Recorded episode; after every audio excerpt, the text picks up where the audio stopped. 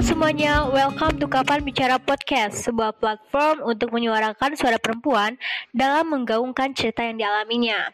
Nah, gue yakin banget nih, pasti sekarang teman-teman lagi kebingungan kan suara baru siapa ini? Yaps, untuk episode 4 Kapan Bicara Podcast kali ini, kalian bakal ditemenin sama gue Nada. Eits, tapi untungnya gue gak sendirian nih, karena gue bakal ditemenin bareng Sheila, yang juga merupakan member dari Forum Perempuan IPB. Halo Sheila, boleh dong say hi dulu? Halo Nada, halo semuanya. Kenalin nama gue Sheila, bisa dipanggil Sil. Dan kali ini gue yang bakal nemenin Nada di episode podcast Kapan Bicara. Yeay, asiknya. Bakal temenin sama Sheila nih. Wih, asik banget dong. By the way, kita sekarang mau bahas tentang apa nih, Nat? Kali ini Shil, kita bakal bahas sesuatu yang beritanya kemarin sempat membuat publik heboh nih. Hah, berita apaan tuh yang lagi heboh? Apalagi Shil kalau bukan tentang pelecehan seksual. Wah, mantep banget sih topik kita kali ini. Dan ya walaupun sedikit berat, tapi nggak apa-apa teman-teman, kita bahas pelan-pelan dan santai aja. Dan benar banget kata Lunat, kalau topik ini tuh lagi hangat-hangat yang diperbincangkan oleh masyarakat dan juga media. Karena kalau bisa kita lihat nih ya, di TV, di berita, dan di media sosial, kasus terkait pelecehan seksual ini tuh makin merajalela. Bener banget lu Shil, apalagi lu tahu kan kasus mengenai dosen yang melakukan tindakan pelecehan seksual kepada mahasiswinya saat hendak melakukan bimbingan skripsi. Wah, kalau itu sih bukan tahu lagi. Menurut gue itu tuh udah parah banget sih, Nat. Karena ya gimana ya, kampus kan seharusnya menjadi tempat kita nih menimba ilmu gitu malah dimanfaatkan oleh oknum-oknum tidak bertanggung jawab menjadi tempat yang tidak aman bagi mahasiswanya, bahkan sampai menimbulkan bayang-bayang ketakutan bahkan trauma bagi mereka. Betul banget, Shil. Gue pun ya, sebagai mahasiswa ngerasa tindakan tersebut tuh sangatlah inappropriate dan tidak adil bagi kita yang kendatinya ingin menimba ilmu di lingkungan kampus tersebut.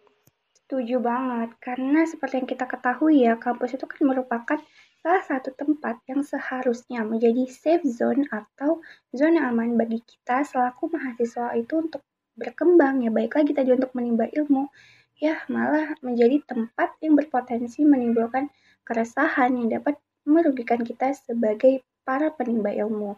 Dan tahu gak sih Nat, parahnya lagi apa?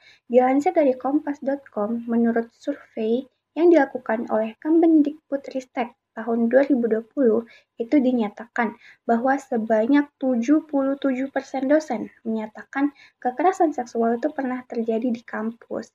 77% itu angka loh Nat dan ini tuh data dari 20, 2020.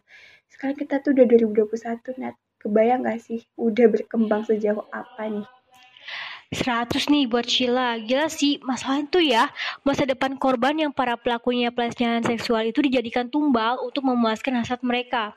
Gue juga gak habis pikir sih sama para pelaku yang tega berbuat demikian.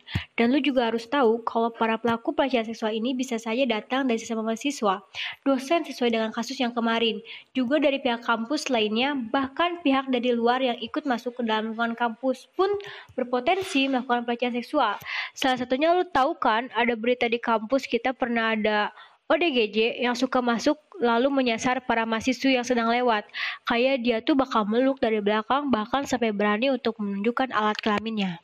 Waduh, parah banget gak sih kayak gitu? Ya, gue sebagai salah satu mahasiswa nih ya, yang dari semester 1 tuh udah online. Jujur, gue tuh gak tahu nih ada kasus kayak gini. Bahkan gue tahu baru hari ini, Nat. Tapi fiksi, serem banget. Kayaknya emang harus ada orang yang orang yang menangani ODGJ ini. Pokoknya jangan deh sampai masuk ke dalam lingkungan kampus dan membuat teror bagi mahasiswa-mahasiswa lainnya. Dan karena kita juga nggak tahu ya namanya ODGJ kan tindakannya bisa apa aja kita juga nggak tahu gitu kan. Dan menurut gua ini tuh perlu banget penanganan khusus dalam menangani pasien ODGJ ini. Aduh, nggak kebayang deh gue nanti pas offline gimana. Tapi nih Nat, ada satu pertanyaan yang selalu bersarang nih di pikiran gue. Menurut lo, terjadinya suatu kasus pelecehan seksual itu akibat perbuatan siapa sih? Kan e, banyak ya orang yang bilang gitu. Dan banyak orang yang masih menganggap bahwa perempuan dan pakaiannya itu sebagai faktor pelaku kejahatan seksual itu beraksi. Sumpah Syil, gue tuh gak setuju banget ya kalau akan stigma yang mengatakan bahwa perempuan sebagai faktor pelaku kejahatan seksual beraksi. Kan banyak tuh ya, kayak orang-orang yang bilang perempuan yang berpakaian itu mengundang pelecehan seksual terjadi. Menurut gue, baju bukan merupakan faktor pelaku kejahatan tersebut. Nyatanya, dilansir dari newsdetik.com, sebanyak 17% korban pelecehan seksual menggunakan rok atau celana panjang, dan 15% menggunakan baju lengan panjang, serta 14% menggunakan seragam sekolah. Wah, ini sudah keterlaluan banget. Lo bisa nyimpulin kan? Wah, dari angka-angka tersebut aja kita udah bisa menyimpulkan nih ya, Nat, bahwa pakaian itu tuh sebenarnya nggak ada korelasinya dengan tindakan kekerasan seksual tersebut ya. Ya, dan sebenarnya yang paling harus dibenahi itu ya si otak pelakunya. Sesuai dengan kata Om Deddy Kobusyar nih di podcastnya, kita sebagai manusia itu sebenarnya memiliki kendali loh atas hal apa yang ingin kita lakukan. Contohnya aja nih, kalau misalnya kita lagi ngelihat orang yang kita benci atau kita nggak suka, itu tuh kadang kita ngerasa, ih gue pengen banget nih nampoli orang, gue pengen banget nih giniin orang, gituin orang gitu kan. Tapi apakah kita itu benar-benar melakukannya? Kan nggak juga gitu ya karena ya balik lagi ke kendali tadi kita tuh punya kendali dan akal terhadap diri sendiri gitu dan itulah yang akan membedakan kita sebagai manusia dengan hewan Setuju banget, Shil. Kadang pun perilaku manusia itu bisa lebih kejam dan sadis dibanding perilaku hewan. TBL, TBL, takut banget loh. Waduh, gimana Kayaknya Nada udah teracuni TikTok ya, teman-teman. Aduh, kayaknya iya nih. Tapi jujur sih, Shil, gue tuh marah dan sedih karena beberapa pelaku pelecehan seksual tuh masih belum jerak akan tindakannya. Dan akibatnya tuh kurang adanya hukum yang tegas untuk menindaklanjuti pelaku juga membuat mereka menjadi santai dan merasa aman untuk melakukan tindakan bejatnya tersebut. Wah, 100 banget nih buat Nada. Ya emang kadang beberapa korban itu juga menjadi enggan ya Nat untuk speak up. Karena ya tadi takut kalau misalnya tuh si pelaku tuh hadir kembali atau bahkan diancam oleh si pelaku. Dan ya tahu sendiri kasus pelecehan seksual di Indonesia kan masih menjadi sesuatu hal yang dianggap aib bagi keluarga korban. Jadi mereka masih merasa malu nih untuk membeberkan atau melakukan hal tersebut kepada pihak yang berwenang. Aduh, sedih banget ya, Shil. Kalau lo bahas mengenai itu, menurut gue tuh korban tuh gak bersalah. Dan mereka tuh gak harus merasa malu, bahkan terhina atas kejadian yang menimpa mereka. Justru para perbuatan pelaku lah yang seharusnya kita hinakan dan buat mereka jerah dengan hukuman sosial dan tentunya juga hukuman tindakan pidana yang ada. Betul banget, tapi ya kita semua sendiri tahu lah ya. Ini udah jadi rahasia umum, Nat kalau misalnya dihukum Indonesia itu gimana dan seperti apa sih ya kan?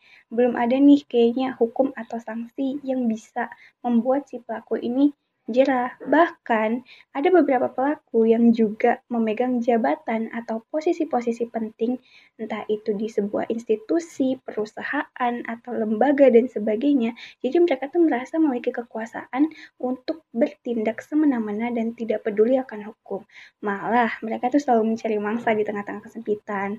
Sesuai dengan kasus pelecehan seksual oleh dosen yang sempat viral kemarin. Yap, Shil. Kan pemerintah juga kan kemarin mengeluarkan Permendikbud nomor 30 tahun 2021, di mana di dalamnya itu mengatur tentang pencegahan dan penanganan kekerasan seksual atau PPKS di lingkungan perguruan tinggi. Ya, walaupun memang masih banyak pro dan kontranya ya, tapi gue berharap banget nih ke depannya ada aturan hukum yang jelas yang benar-benar dapat menindaklanjuti tindakan kejahatan seksual ini. Nah, itu juga sih yang menjadi harapan gue, Nat. Karena ya gue juga berharap lah memang ada peraturan yang menindaklanjuti kejahatan seksual ini. Jadinya diharapkan terjaminnya itu rasa aman buat si korban sehingga si korbannya itu berani untuk speak up dan tidak takut akan ancaman si pelaku. Ya minimal para korban itu dapat menceritakan peristiwa tersebut itu kepada orang yang mereka percaya atau orang terdekatnya sehingga kasus itu dapat ditindaklanjuti karena jika tidak maka ya kasus ini tuh akan terus menjadi lautan gunung es yang akan mengancam keberlangsungan hidup generasi muda Indonesia sebagai pemimpin bangsa selanjutnya, bukan cuma untuk perempuan tetapi juga laki-laki. Betul Sheila, gue harap nih ya makin sini tuh orang-orang makin sadar betapa kejamnya pelaku pelecehan seksual dan mereka sudah sepantasnya menerima hukuman akan perilaku mereka. Semoga juga para korban kini semakin berani ya untuk speak up dan sadar bahwa diri mereka sangatlah berharga dibandingkan hal-hal yang telah menimpa mereka. Setuju banget dong. Yuk guys, berani speak up. Oke deh, mungkin untuk podcast kita kali ini cukup sekian ya Sheila dan teman-teman semua. Thank you banget nih untuk Sheila yang udah mau nemenin gue kali ini. Dan thank you juga buat teman-teman karena sudah mau mendengarkan podcast kita kali ini. Sampai jumpa untuk episode podcast selanjutnya. See you. Thank you semuanya. Bye-bye.